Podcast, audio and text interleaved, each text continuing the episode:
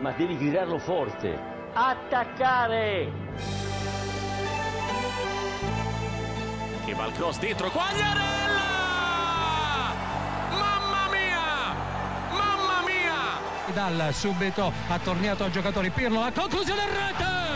Andrea Pirlo, un gol pazzesco! Con Karajan, la decide lui, la decide il numero 21 con un diagonale impressionante!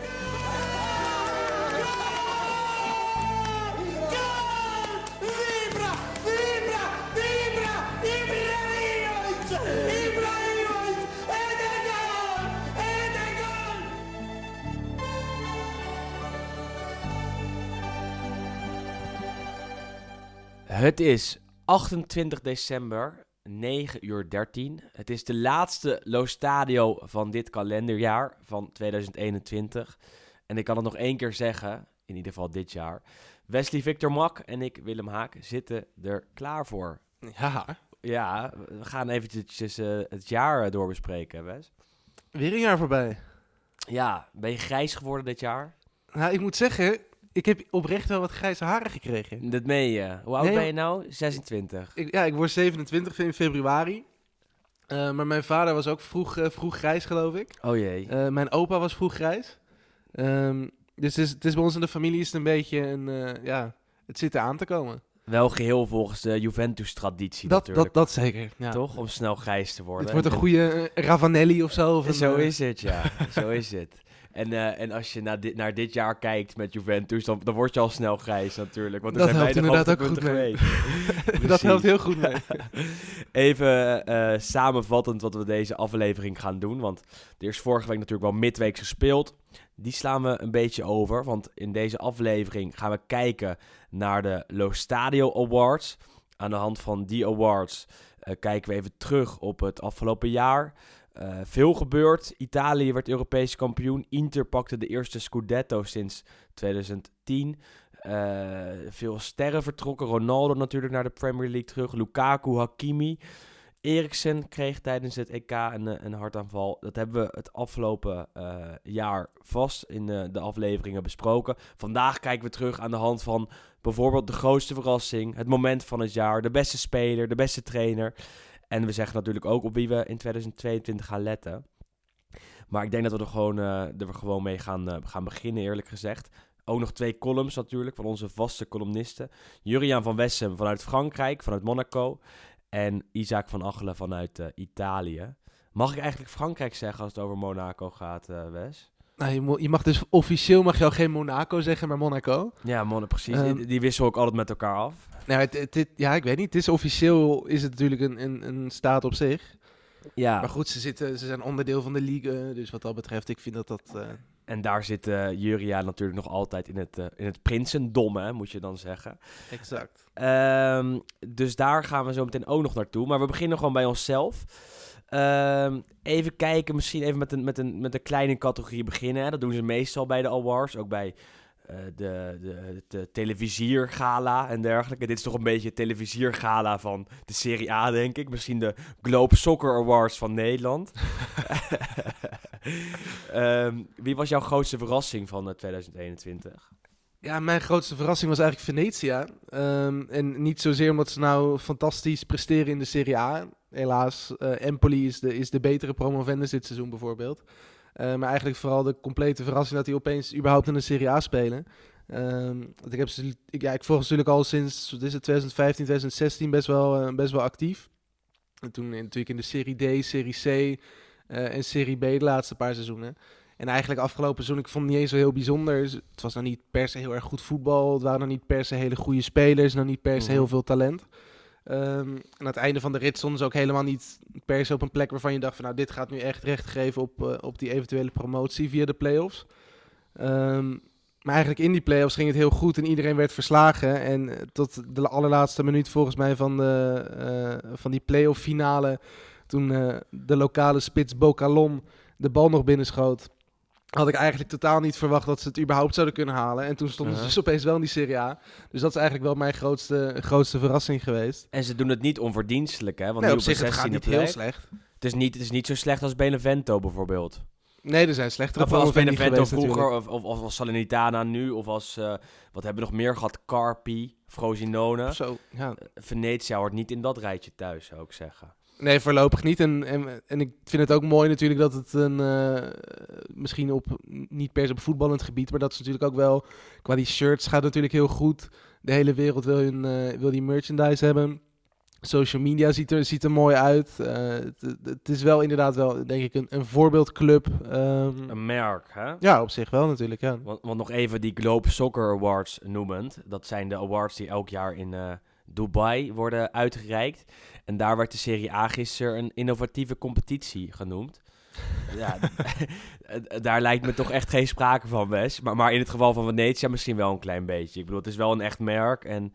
eh, eh, eh, het laat wel echt zien dat als je beleid voert, als je inzet op talent, maar ook op een sterk merk, dat je en populair kan worden en, en dus de Serie A kan, ja, in de Serie A terecht kan komen. En, en dat is wel leuk en, en mooi om te zien, vind ik.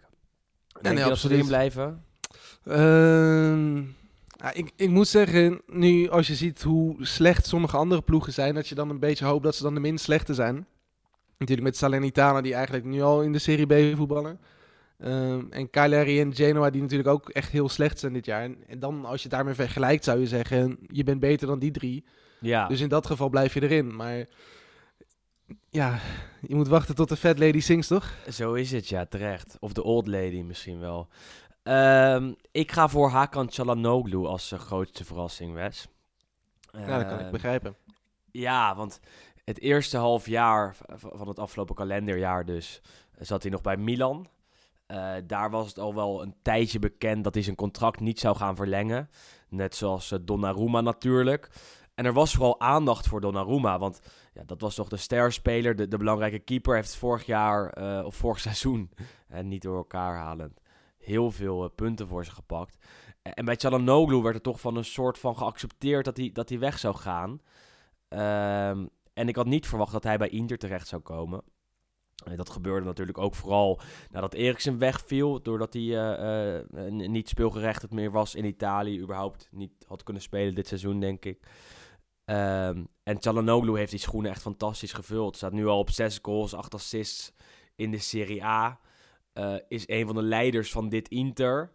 Eh, en dat in een Inter dat vorig jaar kampioen werd. En, en dat vind ik echt, echt heel erg knap. En, en eigenlijk ook heel erg verrassend. Want ha- had jij dat wel verwacht? Dat, dat, dat hij zo goed zou kunnen meedraaien. En Inter misschien zelfs zo bij de hand eh, zou kunnen nemen? Dit Inter dan?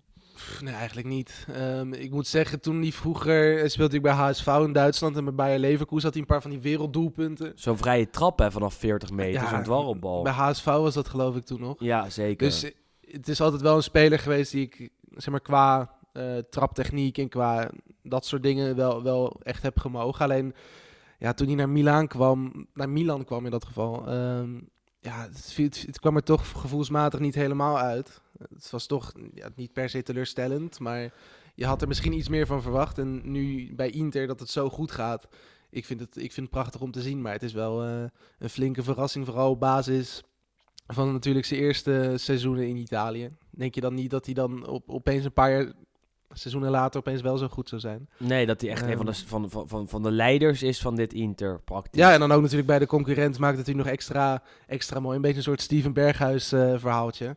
Precies. Ehm, ja, dus en het- en, en het is en mooi. moet, moet wel worden gezegd dat er vaker spelers zijn overgestapt van Inter naar Milan of, of vice versa. Eh, nu Çalhanoğlu natuurlijk van het rood-zwarte gedeelte naar het blauw-zwarte gedeelte.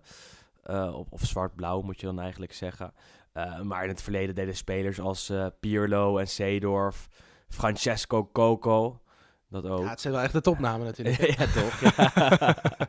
en en Çalhanoğlu hoort natuurlijk wel een beetje in dat rijtje thuis. Ik ben benieuwd of hij dit kan gaan voortzetten. Want vorige week of twee weken geleden hebben we het er even over gehad. En eh, toen waren er ook heel veel luisteraars die op ons reageerden. Eh, en vooral vanuit Milan-kant zeiden... ja, let maar op, hij doet het nu een half jaar goed. Maar daarna eh, gaat hij echt instorten. Nou, ik, ik ben, ben heel benieuwd of dat gaat gebeuren. En ik, ik zie dat ook wel gebeuren, hoor, eerlijk gezegd. Ik bedoel, Çalhanoğlu is nooit een speler geweest die constant eh 38 competitieduels fantastisch is geweest. En het zou een unicum zijn als hij dat bij Inter wel, eh, wel gaat kunnen. Ehm, nou ja, door naar de volgende categorie, denk ik. Want uh, op het podium geweest, Venetië op het podium geweest. Maar uh, dit team gaan we allebei niet op het podium roepen, denk ik. Want uh, de grootste teleurstelling van 2021 is wat ons allebei betreft hetzelfde. Ja, je kunt er niet omheen. We hebben het net natuurlijk al een beetje gezegd in de intro. Um, Juve, als je negen jaar op rij kampioen wordt en dan vierde... en eigenlijk... Um, ja, voetballend slechter bent dan de helft van de Serie A. Dat is uh, behoorlijk teleurstellend. Um, ja, ja, op elke manier toch? Ik bedoel, ja.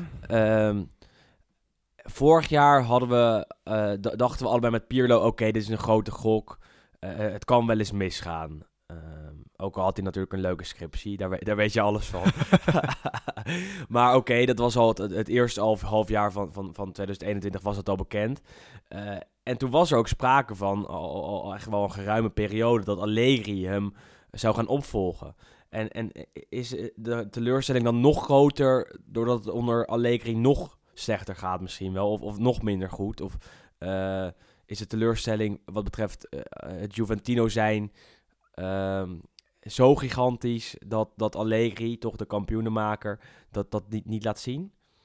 Nou, ik denk dat het lastig is sowieso om het, om het echt op de trainer te, te schrijven. We hebben natuurlijk een paar weken geleden ook gehad over waar nou zeg maar, als je eh, de 100% moet onderverdelen waar de schuld ligt. Um, en ik denk eigenlijk dat dat ook het geval is met Pierlo. Hij heeft natuurlijk ook gewoon echt een, een selectie gekregen die, ja, ik bedoel, het is niet slecht hè. Ik bedoel, er spelen echt hele grote, grote namen, hoge bedragen. Dus op zich daarvan, je mag natuurlijk meer verwachten. Maar... Je moet wel van Empoli winnen. Natuurlijk, nee, daar, komt het gewoon, daar komt het gewoon op neer. En datzelfde geldt natuurlijk helemaal voor Allegri, die veel meer ervaring heeft. Maar het is, eh, ja, achteraf zou je misschien bijna zeggen dat Pierlo het inderdaad beter deed uh, op basis van, uh, van de resultaten. Maar het is denk ik gewoon een hele gekke situatie, omdat gewoon de hele selectie, het klopt niet. En als je nu ook weer hoort alle geruchten die er gaan en alle spelers die mogen vertrekken, want dat is ook bijna iedereen. Mm uh, ik denk dat dat al wel genoeg zegt over het zootje wat er de laatste jaren toch wel is ontstaan.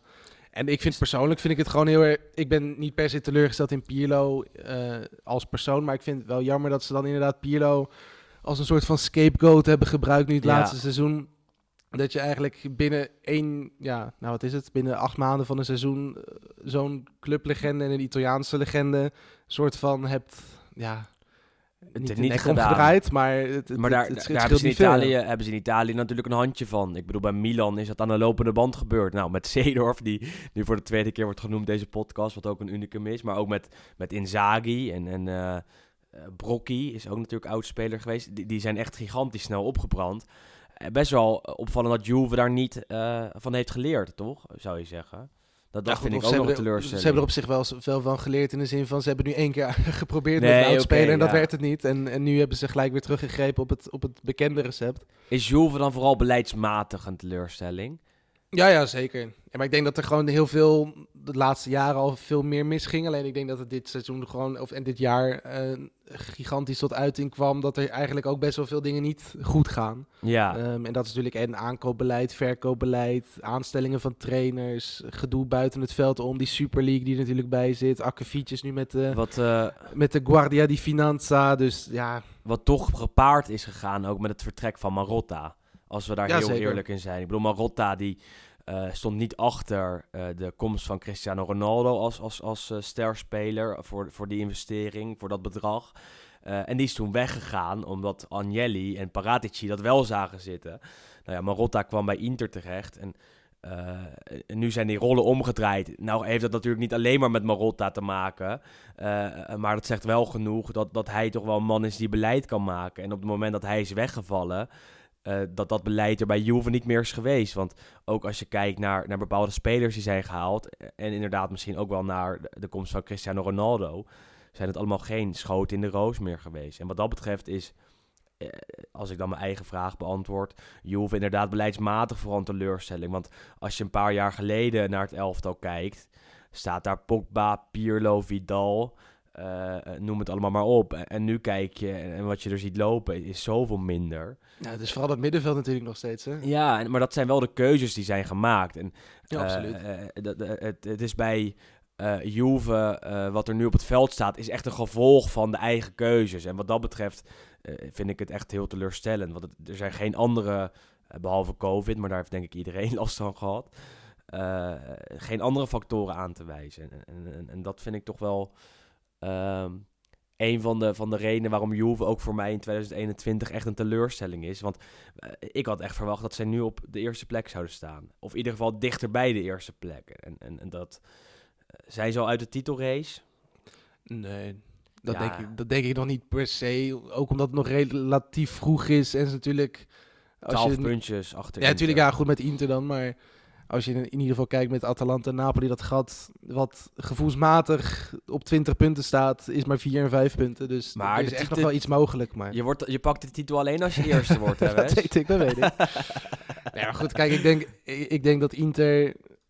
Ja, het, het is niet per se de, de verrassing van het jaar, maar Inter heeft gewoon natuurlijk echt een topjaar gedraaid. Ja, En eh, het is ook gewoon heel knap dat ze dat nu ook, dus, en dat hebben we ook al heel vaak gezegd, ondanks de vertrekkende trainer, topspelers, het niveau vast hebben weten te houden. Misschien zelfs het niveau een beetje hebben verbeterd. Ehm, en ik denk dat het ook gewoon opnieuw heel terecht gaat zijn als Inter dit seizoen ook kampioen gaat worden. op deze manier Ehm. wel. En, en dat noemen Isaac en Juriaan straks ook in eh, hun columns. Eh, spoiler alert. Eh, maar dat, dat Inter eigenlijk alleen maar beter is geworden onder Inzaghi. En, en, en dat, dat is toch echt wel een grote verrassing. Wat dat betreft hadden we de grootste verrassing misschien wel het Inter van in Simone Inzaghi kunnen noemen. Ik bedoel, ja, wie had dat gedacht? Dat ze, dat ze nu eerst zouden staan, 12 punten voor op Juve. Al heeft het ook met Juve zelf te maken. Want als je kijkt naar tegen wie zij punten hebben verspeeld, ja, kom op. Eh, verloren van, van Verona, Sassuolo thuis, Empoli thuis. Ja, dat is toch een, een, een, een vervelend rijtje. En dan ook nog eens gelijk gespeeld tegen Udinese en Venetia en dergelijke. Nou ja, ehm, ik wil ook nog even bij deze categorie Mohamed Iatare noemen eigenlijk. Ja, Ja, eh, nou ja, ja, eigenlijk wel. Eh, eh, kunnen we dit nog een teleurstelling noemen? Ja, ik denk het wel. Ik wil, hij, ja, hij wel. vertrok natuurlijk bij PSV, nog steeds als groot talent. Werd door Juve gehaald, gelijk verhuurd aan Sampdoria. Eh, ja, tot nu toe geen minuut gemaakt in de Serie A. En, en het ziet er ook naar uit dat die minuten er niet gaan komen. Want hij is ongelukkig. eh, niet, niet, niet te trainen, niet te handelen, niet te handelen. Hij is nog niet eens in Italië geweest volgens mij. Hij is, hij is, hij is op bezoek geweest om één keer eh, zijn contract te tekenen. En hij is volgens mij naar het, trainingsveld van Sampdoria geweest. Ja, en, maar niet in het stadion. Zij heeft volgens mij nog Nee. niet eens bij de selectie van Samp gezeten. En ja, ik vind dat toch wel echt jammer, want eh, ja, wij- als Nederlanders hebben hem zien schitteren echt in, in, in de eredivisie. En in bepaalde potjes was hij fantastisch. Nou is het dat het afgelopen anderhalf jaar, misschien zelfs langer, al, al misgegaan. Maar stond toch bekend als, als een van de grootste Nederlands-Marokkaanse talenten op de, op de eredivisievelden. Nou ja, dan hoop je toch dat hij dat in Italië bij Samp kan laten zien. En ja, dan is het toch teleurstellend, vind ik, dat hij dat. eh, Ja, gevoelsmatig heeft hij ook geen poging gedaan. Dus Nee, ja. precies. Misschien ook niet te veel tijd te besteden, maar ik wilde hem toch eventjes benoemen, want eh, je, je vergeet het toch bijna. Ehm, door naar een ander groot talent, want in eh, deze categorie is er toch, eh, ja, zijn de meningen niet echt verdeeld. Je kan deze naam toch bij heel veel eh, categorieën invullen. Ehm, maar bij het grootste talent, ik weet eigenlijk niet of jij hem daar hebt genoemd, eerlijk gezegd. nee, ik dacht ik zet hem daar niet neer. Nee, ik ga, ik, heb hem bij, ik heb hem volgens mij bij alle andere categorieën nog wel Ja, gezet. precies. Want ik heb hem daar wel neergezet. Eh, en voor de duidelijkheid, dan hebben we het over Dusan Vlahovic. Omdat ik dacht, ik, ik, ik wil mijn kansen toch een beetje spreiden met, met de spelers die ik, die ik kan noemen. En bij beste speler heb ik iemand anders. Grootste talent kom ik bij Fiorentina aanvaller uh, Dusan Vlahovic uit. Eh, ja, dat spreekt wel voor zich eigenlijk, hè Wes? Ik bedoel, heb jij de getallen voor je? Nou, ik heb, ik heb ze niet voor me, maar ik heb hem eh, als beste aanvaller en als beste speler in het, eh, in het rijtje gezet. Ja. Ehm, maar ja, nee, het is bizar. Hij heeft sowieso natuurlijk, eh, ja, wat is het, 33 doelpunten in 2021. Volgens mij ook nog iets van 6 of 8 assists. Dus als je alles bij elkaar optelt, ook nog eens de, de MVP van 2021 in Italië. Op dit Ja. moment is hij topscorer van de Serie A. 16 en- doelpunten al, nu na daarbij 19 gewoon als wedstrijden. je... Hij is jong, hij is sterk, hij heeft eigenlijk... Ja, het is... Het is ik denk dat Vlaovic en, en Haaland... Ja. ehm, ja goed, en Mbappé iets minder spits zijn, maar dat zijn wel een beetje de drie...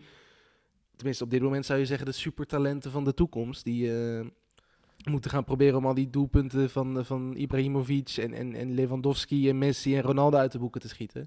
Ehm, Ik ja, moet e- e- eer- eerlijk zeggen dat ik... Ik denk dat Vlahovic misschien wel een van mijn favoriete spelers is van, van dit moment. Want hij kan letterlijk alles. Hij kan alles. En, en ehm, ik, ik ehm, noem daar vooral één wedstrijd. Of ik denk daar vooral aan één wedstrijd. En dat is Fiorentina-Milan. Eh, die, die ze met 4-3 wonnen in november. Ehm, en daar maakte Vlahovic twee doelpunten. En vooral zijn eerste doelpunt daar was zo goed. Da- da- Daar, daar, daar, straalde zijn kwaliteit echt vanaf. En dat is dan nou ja, een van zijn 33 goals van, van 2021. Pik ik deze eruit. Eh, want hij wordt diep gestuurd, neemt er fantastisch aan, versnelt, gaat langs de keeper van Milan. Ik geloof dat het toen eh, dat de Rosano was. Eh, en, en maakt er vanuit een moeilijke hoek af. En dat is echt wel, wel een, een, een doelpunt waaraan je de kwaliteiten van Vlahovic 100% kan zien. En toen dacht ik ook, ja, dit is echt een speler. En dat dacht ik toen natuurlijk niet voor het eerst, want nou, we kijken vaak naar Fiorentina. Eh, toen dacht ik voor het eerst, eh, of niet eens voor het eerst, toen dacht ik, dit is echt de spits die, die eh, misschien nu al bij de wereldtop hoort. Ehm, en dat is misschien ook wel zo als jij in 2021 33 goals in de Serie A maakt. Want ja, dat is niet voor iedereen weggelegd. De andere die dat lukte was Cristiano Ronaldo, dacht ik. ja, dat was ja. vorig seizoen inderdaad. Ja, Of vorig vo- kalenderjaar. vorig kalenderjaar. Nee, maar het is, het, is, het is echt heel indrukwekkend wat hij laat zien. En wat dat betreft is het, is het ehm, qua mentaliteit zit het ook gewoon heel goed. En qua doorzettingsvermogen en qua ehm, die wil om te winnen, zeg maar. Want dat is natuurlijk wel iets... Je, je hebt natuurlijk de laatste decennia genoeg spelers gehad... vooruit Servië en omstreken... ehm, waarvan je wel echt zag dat er talent zat. Ik noem Soleimani en, en Ljajic en al die types. Eh, Mitrovic. Ja goed, er zijn er genoeg. Ja, zeker. Maar daar ja. uiteindelijk spelen die dan wel bij de grote teams. En dan komt het, komen ze mentaal iets tekort. Ehm, maar bij Vlaovic heb je eigenlijk het gevoel dat hij zo stoïcijns is. Wat Ja. dat betreft een beetje, ja, echt een, een machine eigenlijk. Hè? Een beetje hetzelfde wat je bij Haaland hebt, dat je er totaal Absoluut. geen hoogte van kan krijgen in een interview bijvoorbeeld. Eh, en dat hij gewoon echt zijn ding doet. En zijn ding is gewoon fantastisch goed voetballen en heel veel doelpunten maken. En En zijn contract, eh, contract loopt natuurlijk medio 2023 af. En daar smullen de Italiaanse kranten natuurlijk weer van. Want hij gaat zijn contract dus eh, niet verlengen. En ja, kan misschien wel in de winter al een transfer maken. Waarschijnlijker dat hij dat in de zomer gaat doen. En dan is de vraag waar hij gaat eindigen. Als je dan nu toch een, een, een klein kijkje in je glazen bol moet gaan, gaan nemen. Nou goed, hij staat bij Juve, staat hij echt op één. Ehm, en dat is denk ik ook wel de enige echt top, of ja, topploeg in de zin van eh, ja, historische topploeg, zeg maar. In het, is moe- Italië. het, is, het is moeilijk om ze nu een topploeg te nemen, Ja, maar gewoon ja, überhaupt wereldwijd, of ja, Europees. Eh, die ook denk ik op dit moment een spits nodig hebben die 38 wedstrijden gaat spelen. Maar die kunnen hem toch niet betalen? nee, dat, wordt, dat, denk wordt inderdaad dus. heel leuk. Nee, dat wordt inderdaad heel leuk. Nee, en, eh, Dan krijg je ja. weer zo'n Juve-foefje dat ze, dat ze eh, in eh, 2038 gaan betalen aan Fiorentina. Ja, goed, op zich, er gaat natuurlijk veel meer. Ja, ik bedoel, Barcelona had Ferran Torres geloof ik ook met Nee, een salaris gelijk, van hè, 12 dat- euro. ja. Dus nee, goed, nee, kijk, ze zullen vast iets hebben bedacht. En ik, ik ga er wel van uit dat ze weten nu echt wel dat er een spits moet komen. En ze zijn echt al wat langer, denk ik, ook met Vlaovic bezig. Vlaovic zelf heeft al een paar keer aangegeven dat Juventus wel een van zijn favoriete bestemmingen zou kunnen zijn. Dus ik denk wel dat daar in ieder geval een, een goede onderhandeling plaats gaat vinden. Dus kijk je in de glazen bol, zeg jij dat hij bij Ik zeg, Juventus toch, ik zeg toch Juve en ik hoop ook Juve natuurlijk. Ik, ik denk dat Premier League. Premier Ja? League, ja. Ik denk dat hij misschien wel bij eh, Manchester United gaat eindigen. Ja, zoiets. Ja, dat denk ik. Ja, dat is wel eh, echt uit het niets, want hij wordt er niet genoemd. Maar eh, ja, mijn glazen bol eh zegt Nee, dat is een, zegt leuke Manchester voorspelling. United. Ja, ik kan er ook niks aan doen dat als de glazen bol dat doet. Ja, nee, Ehm, dat, eh, Maar jij hebt iemand anders als, als grootste talent, hè? Ja, goed, kijk, het ding was dus, jij had natuurlijk als eerste jouw, jouw rijtje ingevuld, wat dat betreft. Eh, dus ik dacht, van, ja, ik, ik wil ook wel een beetje afwijken, want goed, sommige dingen, ja, je kunt er gewoon niet omheen dat Vlaovic eigenlijk ook gewoon het, grootste talent is van de Serie A. Maar ik dacht, laten we dan toch nog iemand anders ook een klein beetje in het zonnetje zetten. Dat vind ik ook een hele fijne speler en dat is onze kleine vriend Giacomino Raspadori. Fantastisch. Ehm, ja, eigenlijk een paar redenen. Gewoon dat het een heel leuk ventje is. Eh, het is een soort nieuwe...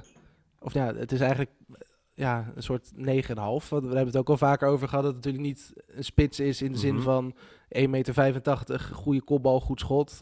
Speelt bij Sassuolo, hè, bij Sassuolo. En het is ook niet per se een nummer 10 die iedereen wegsteekt. Maar het is echt iemand die er een beetje tussenin hangt. En het heel goed doet. En op hele jonge leeftijd was die aanvoerder van Sassuolo afgelopen seizoen al een paar wedstrijden. Eh, mocht toch vrij verrassend mee naar het, eh, naar het, eh, naar het EK met, met de Italiaanse ploeg. Ja. Ja, het is echt een, een, een hele leuke speler. Dit seizoen natuurlijk ook alweer een paar doelpunten, een paar assists. En, en hij staat ook bij iedere grote ploeg, staat hij denk ik op het lijstje. Ehm, dus ik gunde Hij- hem ook wel een klein plekje in, deze, in de Lo Stadio Awards dit jaar. Hij bracht, eh, bracht Milan een beetje de genadeklap toe hè, in eh, de titelstrijd afgelopen seizoen. Toen scoorde hij twee keer in San Siro, waardoor het 1-2 werd voor Sassuolo.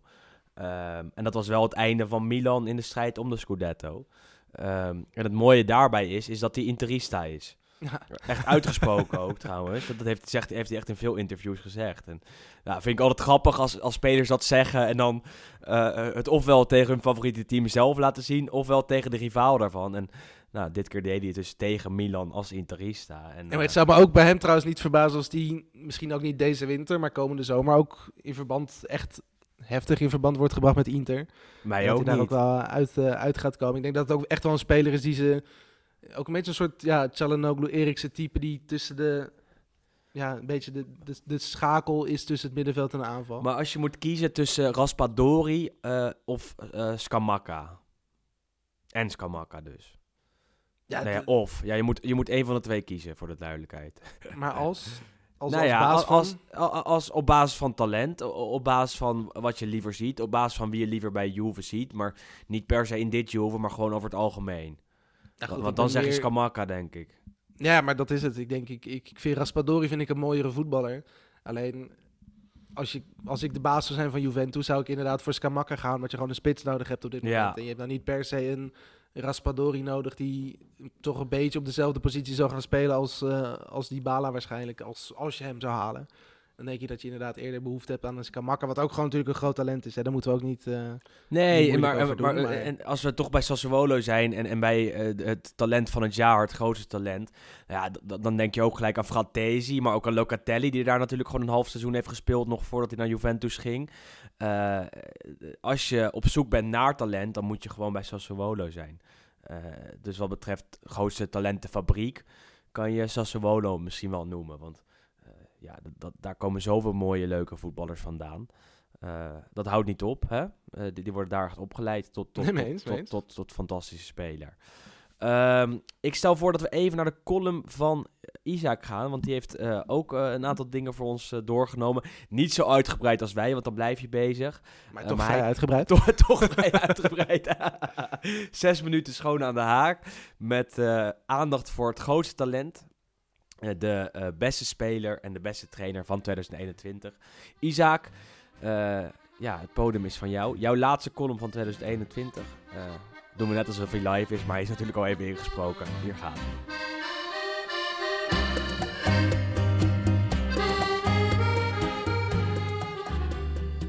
Buongiorno amici sportivi. Vandaag geen krantjes, maar ook voor mij de Lo Stadio Awards.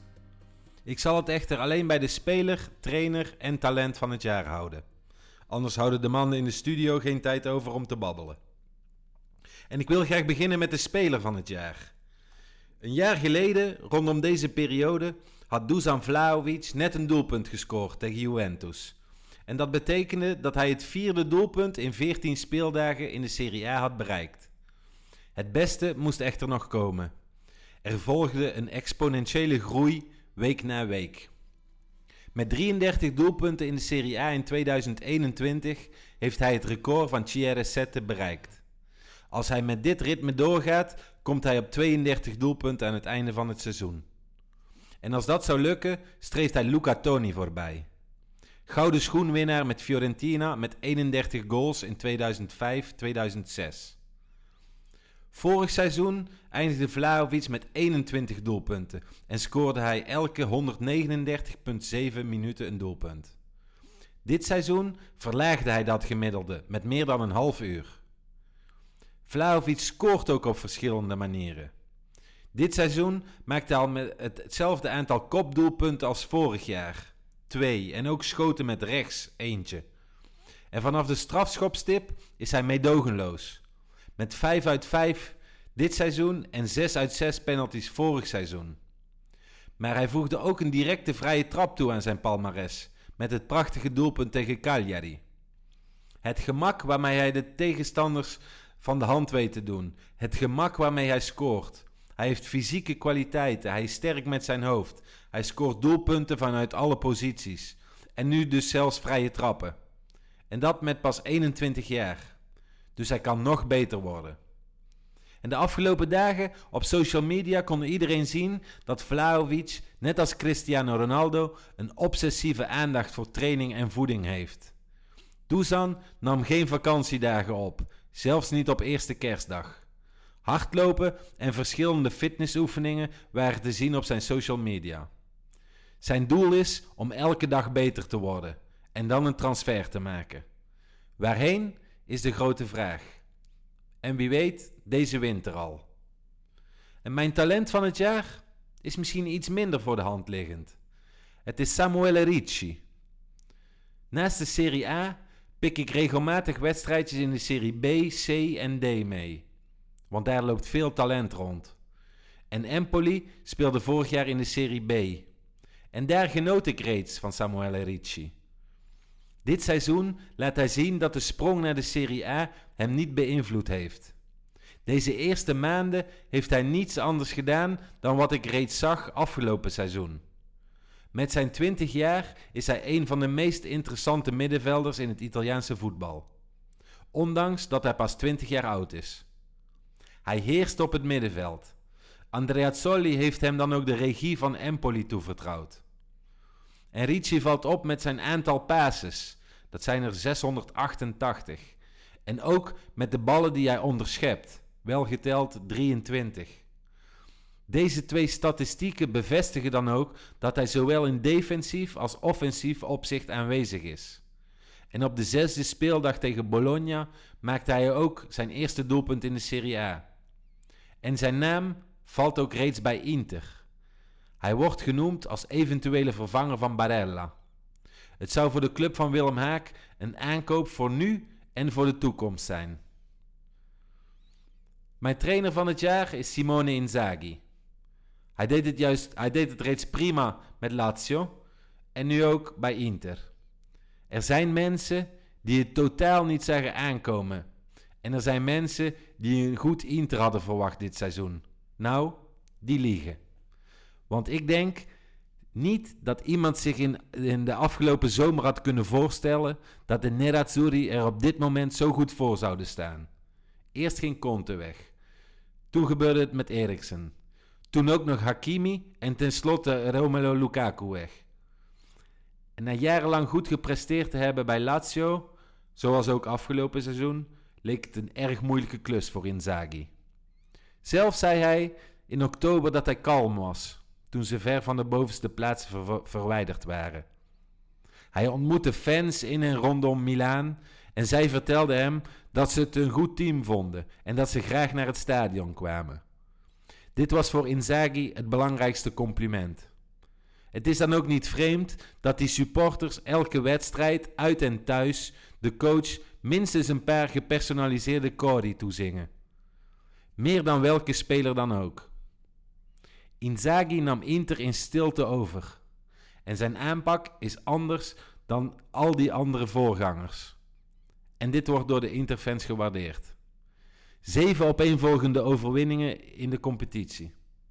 Volgens Inzaghi geloofden zij er al in sinds juli, vanaf de eerste training. Ze staan er nu goed voor. Maar wat ze tot nu toe hebben gedaan, moet alleen een stimulans zijn volgens hem om na de winterstop door te gaan op deze weg. Ik gun hem in ieder geval het kampioenschap. Dat was het voor mij, ragazzi. Alla prossima.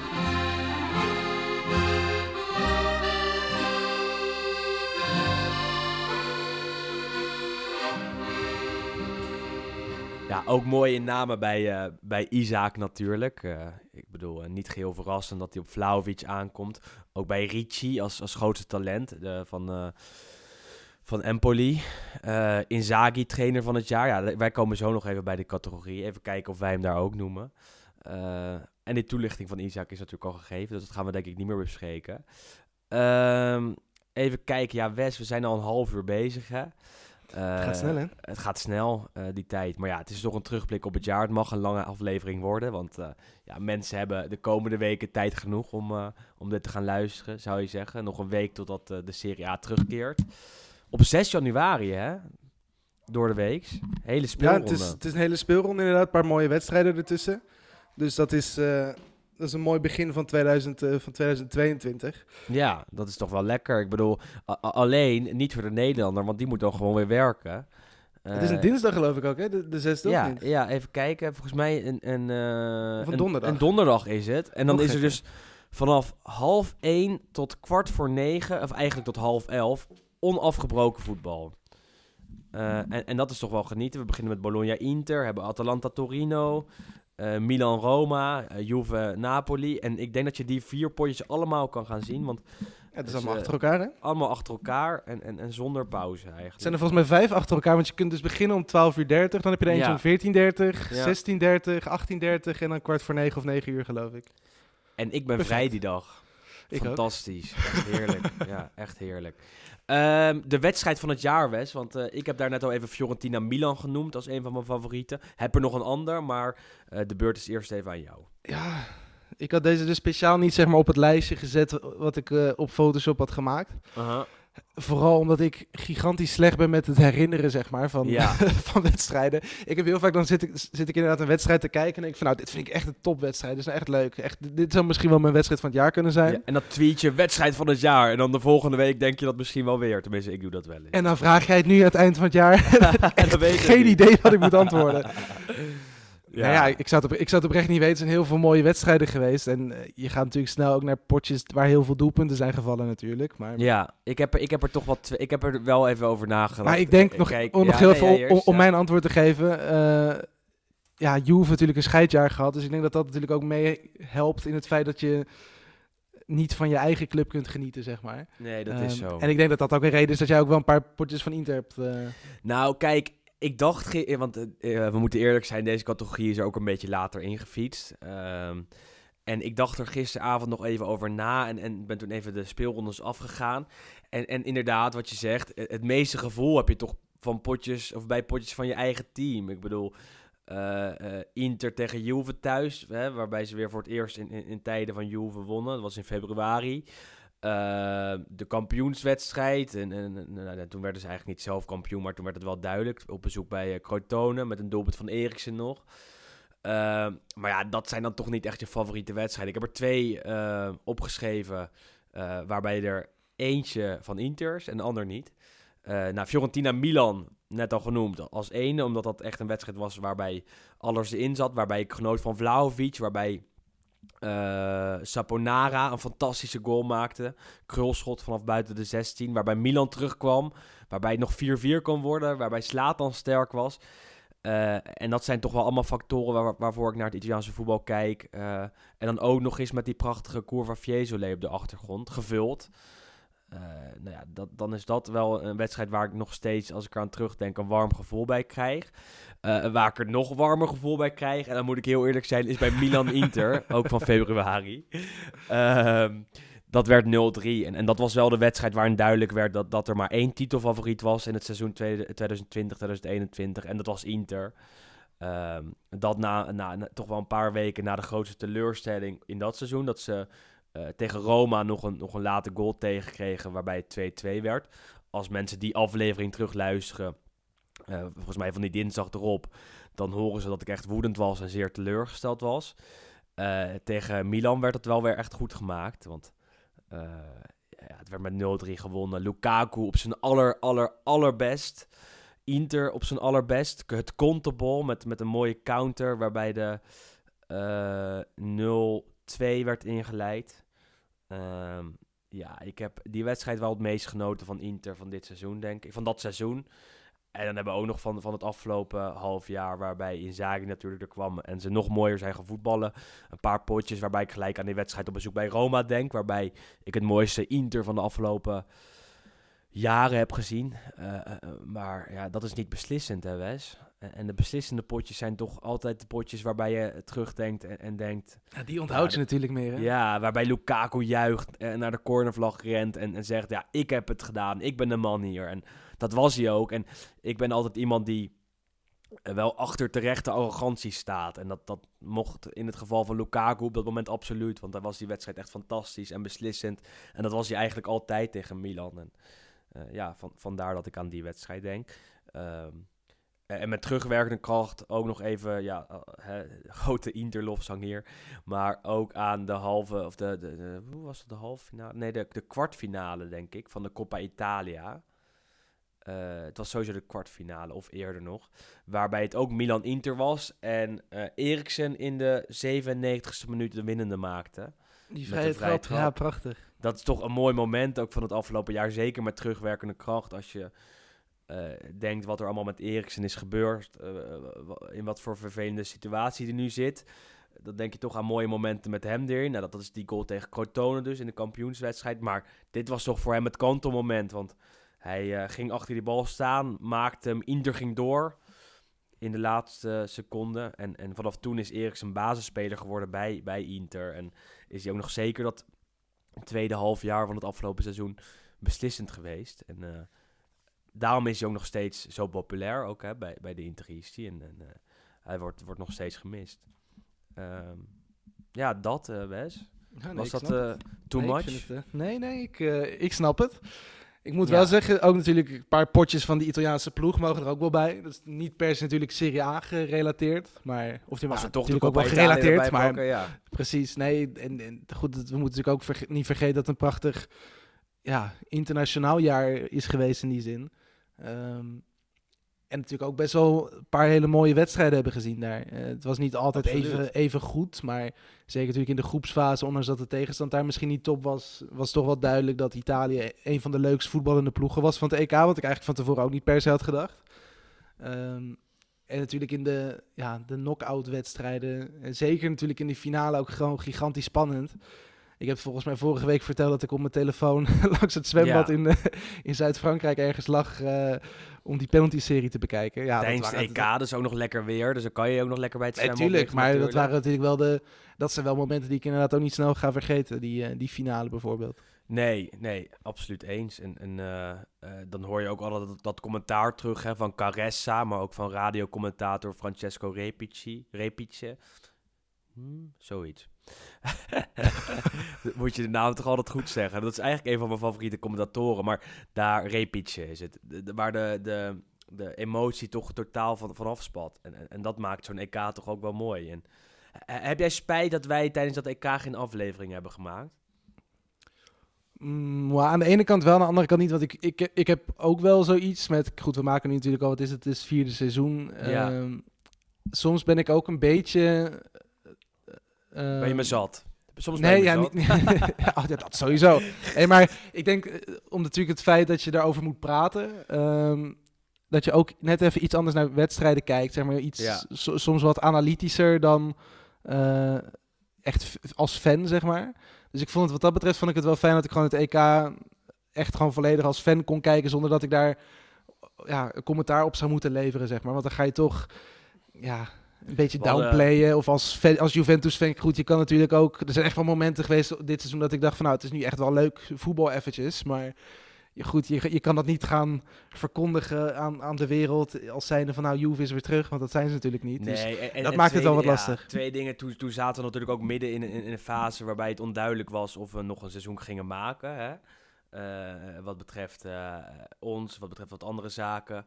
Eh, dus toen hebben we hem ook maar helemaal laten schieten. Eh, maar achteraf hadden we misschien wel een terugblik kunnen maken. Daar, daar hebben ook mensen wel naar gevraagd. Van, nou ja, Italië het EK gewonnen. wa- Was misschien wel leuk als jullie eh, nog even waren gaan terugblikken. En die had ook vast en zeker gescoord.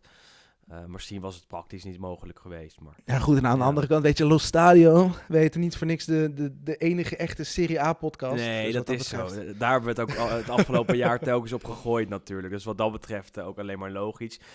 Wel nog een aanrader voor de eh, trouwe luisteraar, luister nog even naar, naar die commentator, eh, commentatoren die tijdens dat EK helemaal uit hun dak gingen. Dat is Fabio Caressa met Beppe Bergomi op de televisie en Francesco Repic eh, op de, op de radio. Als je dat intypt op, op YouTube, dan, dan kom je wel ergens moois terecht en dan ben je de hele middag wel even zoet. Ondertussen gaan wij door met de Lo Stadio Awards.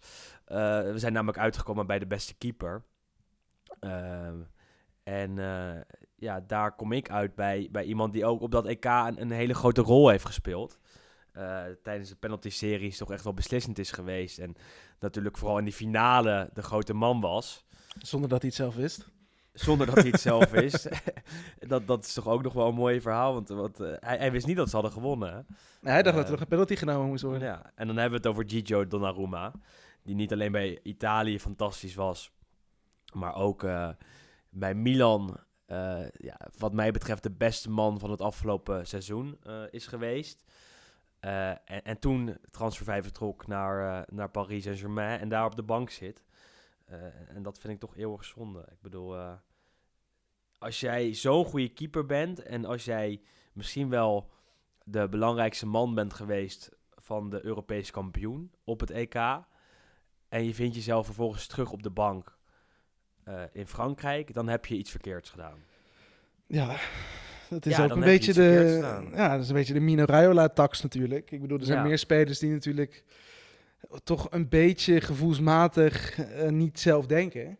Ehm, we hebben natuurlijk in Nederland nu met Bobby, die weer terug gaat naar Ajax. We hebben in het verleden natuurlijk heel veel spelers, maar je hebt, ja...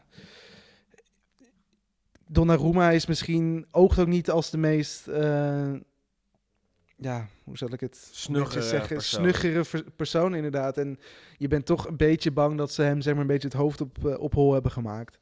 En dat hij, daarvoor, dat hij om die reden daarvoor heeft gekozen voor, eh, voor Paris. Maar ja, je mag toch hopen dat hij ja, zo snel mogelijk of daar eerste keeper wordt. Of dat hij inderdaad zegt van... hé, hey, ik ben zo'n groot talent en ik ben zo'n goede keeper. Ik verdien gewoon meer, dus ik ga iets anders doen. Het verhaal is daar ook met terugwerkende kracht een klein beetje dat hij misschien wel had willen ver- verlengen. Hè? Toen eh, Milan zich voor de Champions League had gekwalificeerd voor het eerst in jaren, en na duel met eh, Atalanta, is het verhaal dat Donnarumma te horen kreeg dat eh Maignan al was aangetrokken. En, en dat hij toen dacht, ach nee, ik had toch eerder moeten verlengen. Dan had ik met, met mijn Milan Champions League voetbal gespeeld. En, en ja, dat doet hij nu niet. En nu zitten we op de bank bij, bij Paris. En ziet hij dat Maignan hem uitstekend vervangt. Dus wat dat betreft een het enorm pijnlijke keuze geweest. Ja, maar jij kiest voor, voor een andere Gianluigi. Ja, goed, eigenlijk ook puur vanwege het feit dat jij Donnarumma had. Dan dacht ik, nou pak ik een andere. En ik ben toen voor Buffon gegaan. Ehm, eigenlijk meer, niet per se omdat ik hem nu echt de beste keeper vond van afgelopen jaar. Maar meer als een soort oeuvreprijs, dacht ik. Ehm, deels natuurlijk de eerste helft van het seizoen zat hij natuurlijk nog bij, eh, bij Juventus. Ehm, en Chesney had er nou niet een fantastisch jaar. En laatste, wat is de afgelopen maand, kwam natuurlijk ook die, die documentaire, die eh, All or Nothing Juventus uit. Ja, Ehm, en toen besefte ik inderdaad eigenlijk weer dat in de laatste paar belangrijke wedstrijden waarin het er echt om ging, keepte Buffon. en ging het opeens sportief gezien een stuk beter met Juventus. Pakte nog een hele belangrijke penalty. Eh won natuurlijk de Coppa Italia als, eh, als basisspeler nog. ja. Ehm, dus dat is natuurlijk sowieso mooi. Ehm, daarnaast dat hij dan de extreme cult overstap maakt naar, terug naar jeugdclub Parma. Eh, vind ik ook heel mooi. En dat hij het daar ook weer goed doet. En dat hij daar intussen ook op zijn, wat is het, zijn 58ste nog, eh, nog een paar penalties pakt. 43 is hij. Ja, dat is ongelooflijk. 43 en nog steeds eerste keeper bij een profclub. Ja, goed. Kijk, en we moeten natuurlijk eerlijk zijn. Het is niet, wat ik zeg, de beste keeper van afgelopen jaar. Maar op basis van en de prijs die hij nog heeft gepakt en de cultstatus en nog steeds de kwaliteit die hij heeft, vind ik wel dat hij, eh, dat hij zeker benoemd mag worden. Dus laat dit dan zijn, eh zijn oeuvreprijs zijn. Voor eh, beste keeper werd ook Samir Handanovic een aantal keer genoemd. Dat, dat is toch wel opvallend, Ja, vind Goed. ik. en goed, kijk, het is, er wordt natuurlijk heel vaak gekeken bij, sowieso bij prijzen of bij awardshows, zeg maar, naar is er een prijs gewonnen. Soms, naar mijn inzien, iets te veel. Want ja, ik bedoel, ik vind Handanovic nou echt bij far niet de beste keeper van Italië afgelopen jaar. Nee, ondanks al- dat hij natuurlijk wel een prijs heeft gewonnen. En Precies. ondanks dat hij natuurlijk ook wel wat een knappe redding heeft verricht. In die, Alleen- in die, eh, in die wedstrijd eh, tegen Milan, die ik net noemde als een van de wedstrijden van het jaar, was hij wel een aantal keer beslissend. Dus als je daar naar kijkt, da- da- da- dan is hij misschien wel een van de beste keepers. Maar hij heeft zoveel foutjes ook gemaakt en, en is gewoon echt toe aan zijn pensioen. Nog meer dan Nee, tuurlijk. Buffon. Ja, nee, maar en, en aan de andere kant, ik, het is natuurlijk ook zo als je bij een topclub speelt. Je krijgt over het algemeen krijg je normaal gesproken ook gewoon minder kansen tegen. Dus Wat ook wel moeilijker is, hè? Ik het, is, bedoel, het is ook wel eh, moeilijker natuurlijk. Maar ik de vind het dan lastig om, om dan te zeggen op basis daarvan dat je dan als je een paar keer wel een keer een bal tegenhoudt. Ik vind wat dat betreft vind ik het knapper als een eh, goed bijvoorbeeld even de Eredivisie erbij pakken van dit seizoen. Bijvoorbeeld zo'n pasveer die heeft wat is het vier doelpunten tegengekregen. Ja, is dat dan de beste keeper? Eh, Of is inderdaad iemand als een, nou, weet ik van die keeper van Sparta bijvoorbeeld, die elke wedstrijd eh 48 doelpunten op, eh, tegenkrijgt en dat hij er de helft nog van pakt. Dat vind ik dan eigenlijk vind ik dan beter. Eigenlijk moeten we meer de Belgische voorbeelden hier erbij pakken. hè, Tegenwoordig de keeper van Beerschot of zo. Nou, ik, ik heb gisteren, ja, ik heb zo. heb je hem ook gezien? Ja, zeker. Mikey ja. van Hamel, nou dat is niet best. eh. Nee, maar goed, ook daar, want bijvoorbeeld die hebben vorig jaar natuurlijk met, wat was het, bij Koffie. Die zat bij, eh bij Moeskroen, geloof ik. Die zit nu bij Charleroi. Eh, bij, bij Eupen had je, heb je Nouroudin. Dat Himmelman, dat zijn, dat zijn allemaal goede, goede keepers die ook gewoon echt wat te doen krijgen. En, ja, Die heb, je, is- die heb je in Italië natuurlijk ook wel rondlopen. Silvestri verdiende een transfer naar Udinese. Eh, eh, wie hebben we nog meer eh, wat betreft goede goalies? Cagno was laatst tegen Inter fantastisch. Eh, er zijn wel een aantal goede, goede keepers in Italië, maar ja, niemand is beter dan Donnarumma, denk ik. Dus wat dat betreft is het toch wel eh zonde dat hij niet meer in Italië zelf actief is. Door naar de beste verdediger. Ehm, jij eerst. ja, ik ben ook hier weer een beetje voor het verhaal gegaan. Eh, Simon Kier. Ehm, Ja.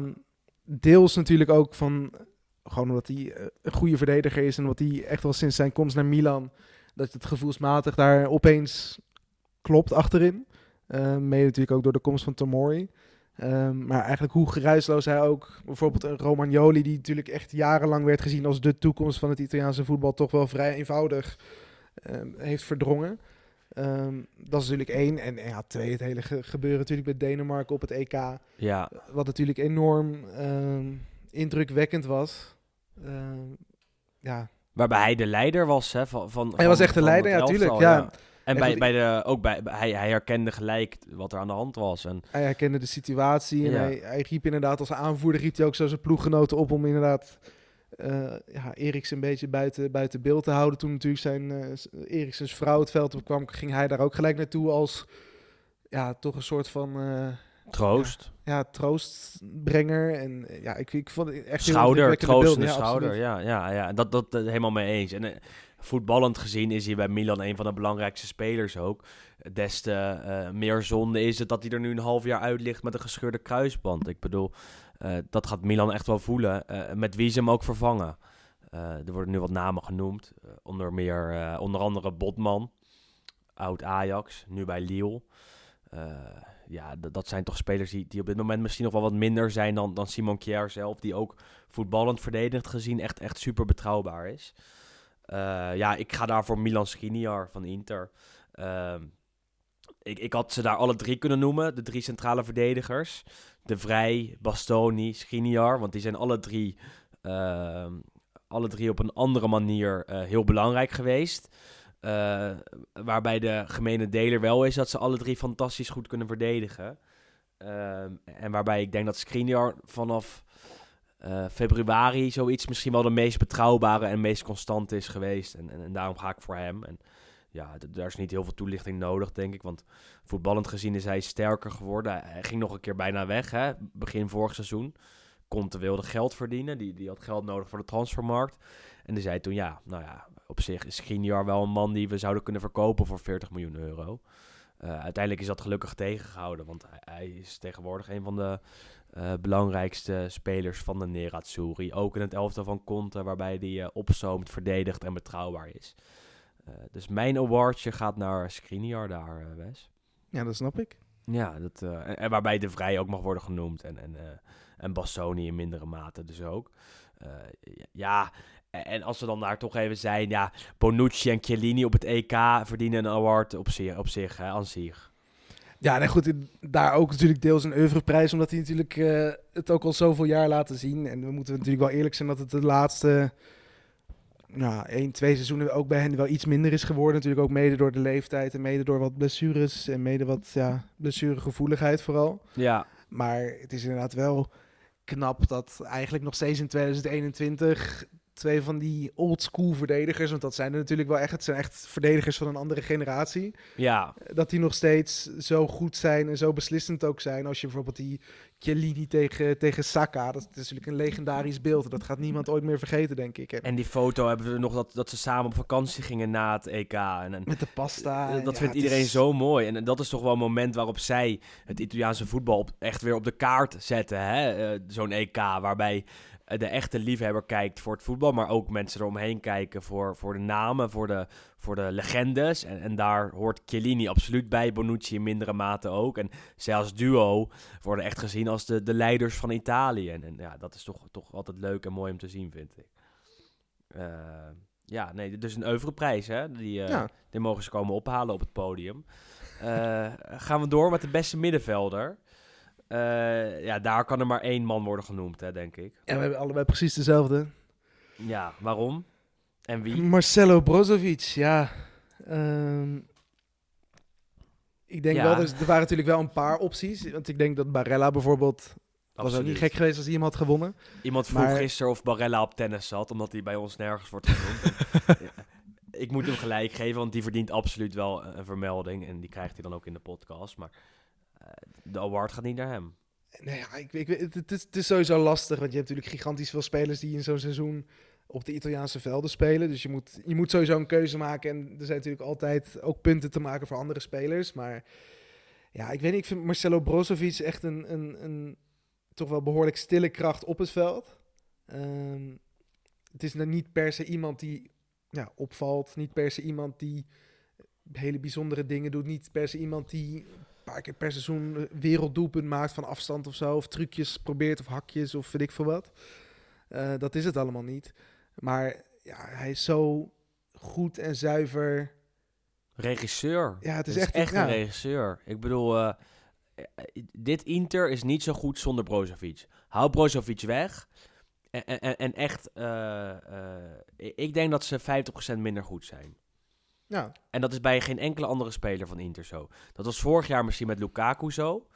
En eh, over het hele jaar gezien is dat met Brozovic eh, het geval. Want hij, eh, hij is het soort stoplicht of zo. Hè? Of, of soort, ja, de, de echte regisseur. Hij bepaalt de verkeersleider. ja, de verkeersleider. hij, be- hij bepaalt wie waar heen moet, waar de bal heen gaat. En, en is altijd degene die bepaalt hoe het aanvalspel loopt. En nou, dat is wel mooi hè, op het veld. Want zijn paaszuiverheid is vaak ook bijna 98% of zo. En maakt bijna geen foutjes. Heeft goede schijnbewegingen.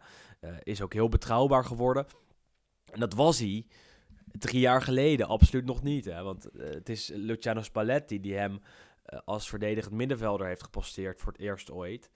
Eh, en, en sindsdien is hij pas echt gegroeid. En, en daarvoor zat hij ook al een tijdje bij Inter. Stond hij altijd bekend om zijn rare fratsen, om zijn ongeïnteresseerdheid en eh, ja, om zijn eh, rare strapatsen ook buiten het veld. En dat laatste heeft hij nog wel gehouden. Ja, dat, is, dat is ook wel leuk, denk ik. Zeker. Gewoon juist het contrast tussen iemand die op het veld opeens super betrouwbaar en rustig is. En dan buiten het veld heeft hij gewoon nog steeds allemaal gekke dingen. Hij heeft natuurlijk zo zijn eigen manier van juichen met dat vingertje. Ja.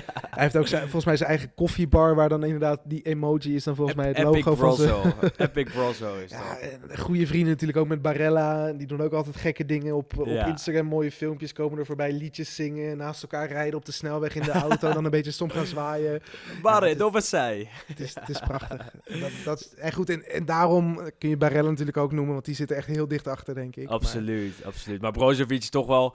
eh, dat het mooie is dat zo'n gek, want hij, hij is echt gigantisch gek...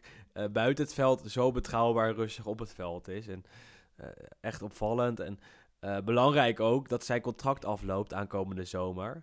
Eh, denk je dat hij nog wel gaat verlengen of is zijn vertrek aanstaande? Ik mag hopen voor jou dat hij verlengt, maar ja, ik weet niet. Het, het is, het is ook lastig, want hij heeft ook al eerder volgens mij een, eh, een aanbieding afgewezen. Ehm, dus het is ook een beetje keer, ja. afhankelijk van ja, wat, hij- wat hij zelf wil. En ehm, ik denk, ja, hij, hij zou er goed aan doen om te blijven, maar Ik denk dat hij de, de- het tempo in de Premier League of, of, of, echt in de top daar niet aan kan. Dat denk ik. Nee, dat het zijn manier van spelen ideaal is voor de Serie A.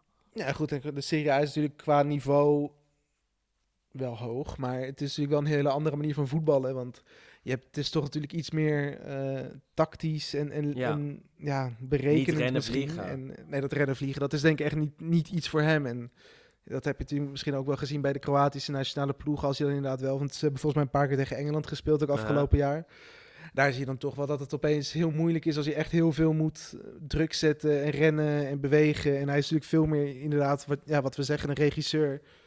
Die hoeft niet per se heel veel eh, ja, te Nee. bewegen om iets goed te doen. Zo is het. En, en, en ik heb eh Brozovic ook als beste speler van het afgelopen jaar genoemd. Daar komen we straks nog eventjes op. Maar eerst nog even door naar beste aanvaller. Want daar kom jij wel op Ja, ik heb het- ik heb- ik heb het- Ja, ik heb het al gezegd, gehad. Ja, precies. En ja, dat, we, we kunnen elke categorie wel langs gaan. Maar Vlahovic mag nog een keer op het podium komen. Want hij krijgt en bij jou en bij mij de prijs voor eh, beste aanvaller. Dus eh, nou ja, ik hoop dat hij een tas heeft meegenomen voor alle Steek hem in je awards. zak. Ja, precies. dat, dat wordt nog eh, flink, flink van huis nemen. Ik stel voor dat we even naar de column van eh Juriaan van Wessem gaan. Vanuit Monaco. Dit keer zeg ik het goed. Hij kijkt ook even naar zijn beste trainer, beste speler en grootste talent van 2021. Juriaan, take it away.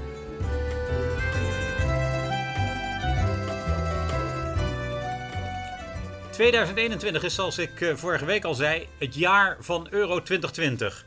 Maar bij de Lo Stadio Awards hebben we het vooral over de Serie A. En dus is Roberto Mancini niet mijn coach van het jaar. Voor mij is dat Simone Inzaghi. Wat hij in de afgelopen zes maanden heeft gepresteerd is eigenlijk ongelooflijk. In ieder geval durfde niemand de huidige opmars van Inter voor dit seizoen te voorspellen. Als zelfs Willem de conclusie trekt dat hij Inter nog niet zo goed heeft zien spelen als in de afgelopen maanden, dan is duidelijk dat de kampioen onder de nieuwe coach een hoger niveau heeft bereikt. Een beetje zoals Allegri na Conte voor nog betere prestaties zorgde bij Juventus. Inzaghi had al een paar knappe resultaten geboekt bij Lazio, maar ook hij heeft zelf een hoger niveau gehaald bij Inter. Ajax mag heel blij zijn dat de loting van de Champions League moest worden overgedaan. Want ik verwacht in dit voorjaar nog heel veel van Simone Inzaghi's dadendrang. En dus ook voor Inters successenreeksen. Misschien zou ik een speler van Inter moeten kiezen voor de speler van het jaar. In het eerste half jaar van 2021 was Romelu Lukaku de sterspeler van de Serie A. Maar ja, opgestaan is plaatsvergaan. Misschien zou ik Nicolo Barella of Stefan de Vrij moeten kiezen. Maar ik ga toch voor een andere optie. De speler die eigenlijk ook nog een talent is.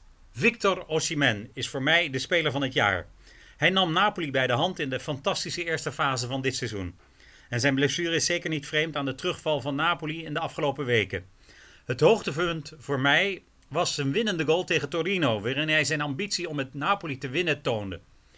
Hij moet nog wel iets meer scoren, maar hij heeft Napoli nieuw leven ingeblazen en dat is al heel wat waard. Het talent van het jaar kan maar één speler zijn in mijn ogen. Dusan Vlahovic.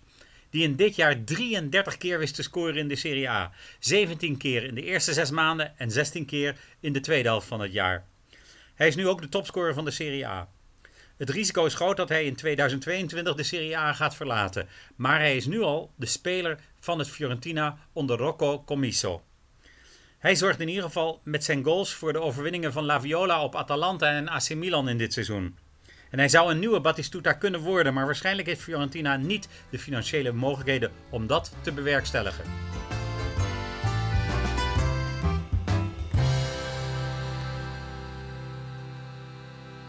Ook Juriaan natuurlijk met wat mooie namen. Ozyman, Vlahovic, Inzaghi. Eh, ja, dat, eh, dat zijn toch echt wel eh, leuke namen om ook even te bespreken, deze podcast. Ehm, maar laten wij eh, naar de, de absolute hoofdprijzen van deze podcast gaan, eh, Wes. Want eh, de beste speler en beste trainer hebben we nog niet uitgereikt. En ik denk dat we eerst even bij beste speler gaan, want dat zijn namen die we al hebben genoemd. eh. Nou goed, wat ik zeg, opnieuw Dusan Vlahovic. eh op Ja. basis vooral natuurlijk van het feit dat hij qua doelpunt en assist natuurlijk helemaal bovenaan de ranking staat van 2021. Maar ook ehm, dat hij eigenlijk praktisch, nou niet single-handedly, zoals ze dat zo mooi zeggen op zijn op Engels, maar toch Fiorentina weer richting de plekken waar ze horen te staan heeft gebracht. En Eh, ja, ik vind nee, het knap. eens. Dat ja. bij een, een subtopper, want dat is Fiorentina toch zeker de laatste jaren geweest, dat er zo'n speler op kan staan waar echt de hele wereld eh, ja, naar kijkt, van onder de indruk is, eh, wil hebben. Zijn vingers bij aflikt, Ja, praktisch ook. het is, eh, het is echt ontzettend knap. En we hebben hem natuurlijk net al een veer in zijn reet gestoken, maar eh, ja, beste een- speler hij, hij heeft al veel veren. Hij heeft al veel veren in zijn reet. Ja, ja maar, maar terecht. Ik bedoel dat. eh, maar, maar vind je hem echt absoluut de beste speler? Ik bedoel, ehm, eh, vind je hem aan zich de beste speler van de Serie A?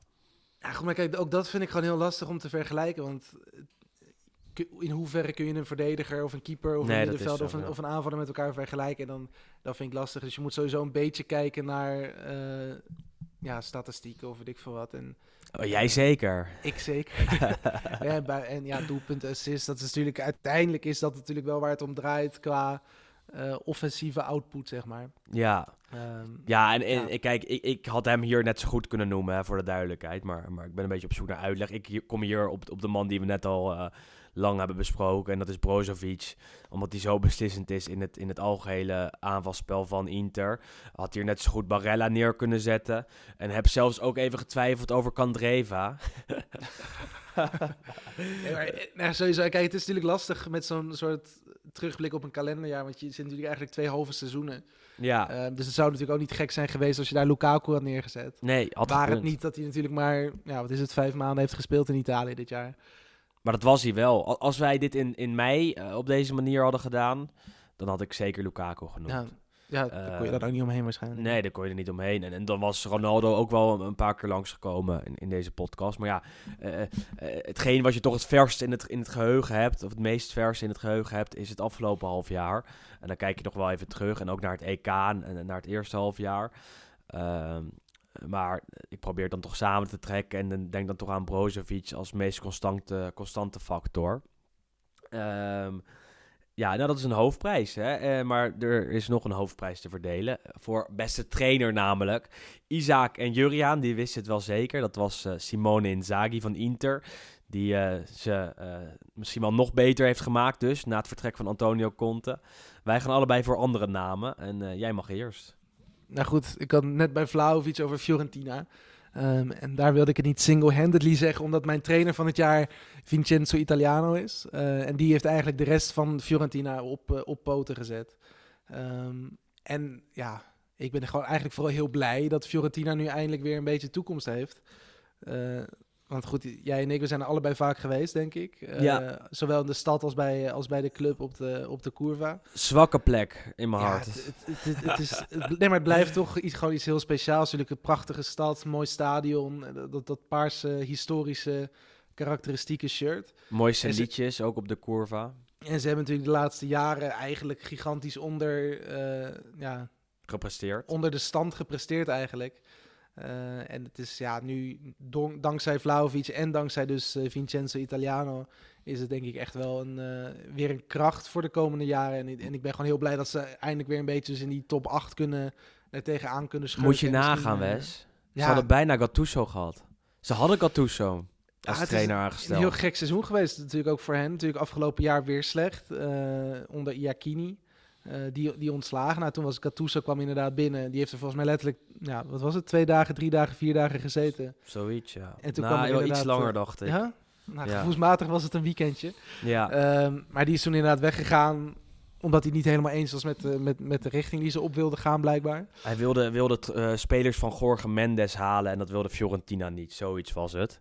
Nou ja, eh, dat de is beste een- keuze die ze konden maken ja, eigenlijk. eh, een zegen geweest, toch? Ik bedoel, eh, want ze hadden Italiano probeerden ze al eerder te halen toen. Eh, en dat lukte niet, want die, die wilde bij Spezia blijven. Toen kwamen ze nog een keer nadat Gattuso was vertrokken.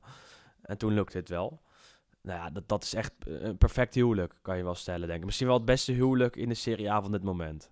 Ja, ik denk als je kijkt puur naar de verbetering, zeg maar, ten opzichte van, van afgelopen seizoen, denk ik dat Fiorentina en dan daardoor dus ook Italiano wel de, de hoofdprijs mag krijgen op dat gebied. Want er is denk ik geen ploeg zoveel beter geworden dan afgelopen seizoen dan Fiorentina. En dat is wel echt, ja, 100% denk ik aan hem te danken. Want dat zag je ook bij Spezia, wat natuurlijk in de Serie B, voordat ze promoveerden naar de Serie A vorig seizoen ook nou, niet per se een heel bijzondere ploeg was.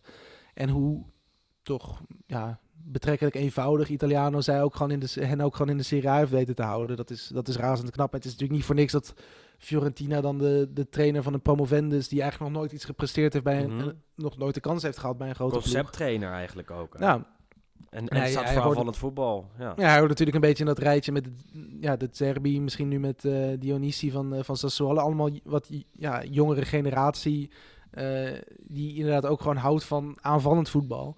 Ehm, En, ja, belangrijk, hij heeft de traditie van de paarse kooltrui voortgezet. Dat vind ik toch wel belangrijk als trainer van Fiorentina. Degene die dat het mooiste deed was eh, Prandelli, hè, lang geleden. Stefano Pioli als trainer van Fiorentina, altijd de paarse kooltrui aan. En nu doet eh Italiano dat ook altijd. Wel met zo'n lelijk logo op de borst, maar ja maar ik dat is, vind- dat is de club merchandise, hè? Ja, maar eh, eh, dat logo moet eraf. Want dan heb je een mooie paarse kooltrui. En, en nu, nu doet dat er toch een beetje aan af. Maar eh, ik vind dat de trainer van Fiorentina, net als de trainer van Juve, moet er een beetje, beetje er eh gesoigneerd uitzien. En, dat, dat probeert Italiano toch wel altijd. En, en daar ben ik dus wel, wel tevreden mee. Eh, wat dat betreft de Fashion Awards komt hij er ook goed vanaf. Ja, er zijn natuurlijk wel een paar kandidaten die, die, die daar goed gaan, maar Hij, hij, hij wint hij hoort niet, er zeker ik. bij. Nou ja, er zijn, zijn er een paar hoor. Het is, we hebben natuurlijk best wel wat eh, markante figuren, goede koppen. Dat Pioli helpt ook, wint Dat helpt ook al mee. Ja, Nog steeds. Ik had Pioli, Pioli, wat mij betreft, nog steeds de Fashion Awards van, van Lo Stadio van 2021 wint. Eerlijk gezegd. Die heeft nog steeds die, die, die eh, rode kooltrui altijd, Bordeaux-rood bij, bij Milan. Wie hem niet winnen zijn Spalletti en Sarri. nee, dat, zijn wel natuurlijk de trainingspakken mannen. Hè? Ja, precies. Ehm Jouw naar het voetbal. het. Mijn trainer van het jaar. Eh, ik dacht ook even aan Simone Inzaghi, maar toen dacht ik ook, ja, dan wordt het wel heel veel Inter. Dat, dat moeten we ook niet hebben. Eh, v- vind het wel enorm knap wat hij heeft gepresteerd. Had niet verwacht dat, dat hij het zo goed zou doen bij Inter. Dat hij ze zo goed zou laten voetballen. En ik heb hem zelfs in een van de eerste afleveringen van het jaar eh, eh, een eh, veredelde meme-speler eh, meme-speler genoemd. Wat hij nog steeds wel is trouwens. Er was weer een filmpje van, eh, van hem van afgelopen week. Waarbij ik dacht, zo, dat is echt een eh, ja, soort. eh doe hem wat witte smink op en zo'n zo'n pak aan. Dan, eh, dan is het een meme-speler. Eh, maar ja, wat hij presteert is tot nu toe fantastisch. Eerst maar eens kijken hoe dat eh, in het tweede seizoen zelfs eh, gaat verlopen. Maar ik ga toch voor Roberto Mancini. Die met Italië Europees kampioen is geworden. En als je me toestaat nog even uit de Serie A te stappen en, en even naar het EK te doe maar. kijken. Want dit Italië was absoluut niet het beste, beste team op het EK, denk ik. Kwalitatief gezien. Maar wel het beste team. Ja, daar ben ik het volledig Ehm, mee eens. En, dat is echt gesmeed door eh, Mancini. Ik heb de documentaire ook gezien van, van de RAI, Sogno Azzurro. eh, over de aanloop naar dat toernooi, over de voorbereiding, over de, de kracht die Mancini uitstraalt samen met, eh, met Vialli natuurlijk, eh, de teammanager. Die twee vormen een, prachtig duo. Ook achter de schermen. En, en daar is dus een cameraploeg die dit allemaal ziet.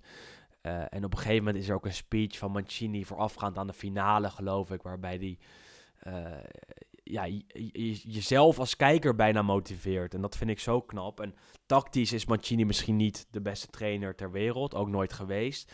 Maar wat betreft motiveren, wat, wat betreft uitstraling, eh, hoort hij absoluut wel in dat, dat rijtje met, met elite trainers. En dat liet hij zien het afgelopen EK. Maakte telkens de goede beslissingen. Eh, wist de spelers te raken. Heeft natuurlijk ook wat geluk gehad wat je nodig hebt om Europees kampioen te worden. Eh, eh, maar die full package maakt wel dat ik niet om hem heen kan als trainer van het jaar. Met een eervolle vermelding voor zowel Conte als, als Inzaghi, denk ik. En, en jouw keuze voor Italiano begrijp ik ook volledig. Want dat zijn toch wel de namen die, die me het meest, hebben, meest plezier hebben gebracht het afgelopen jaar. En, als ik dan nog een naam mag noemen, is, is Milan-trainer Pioli natuurlijk ook wel iemand die, eh, die nog steeds het maximale uit zijn ploeg haalt. Eh, eh, en, en Milan echt weer terugbrengt op de plek waar ze horen. Dus wat dat betreft vind ik ook dat hij een vermelding ver- verdient. Ehm, ja, dat eigenlijk, eh, Wes. Ik bedoel... eh, en Ranieri, prijsje. Kom maar.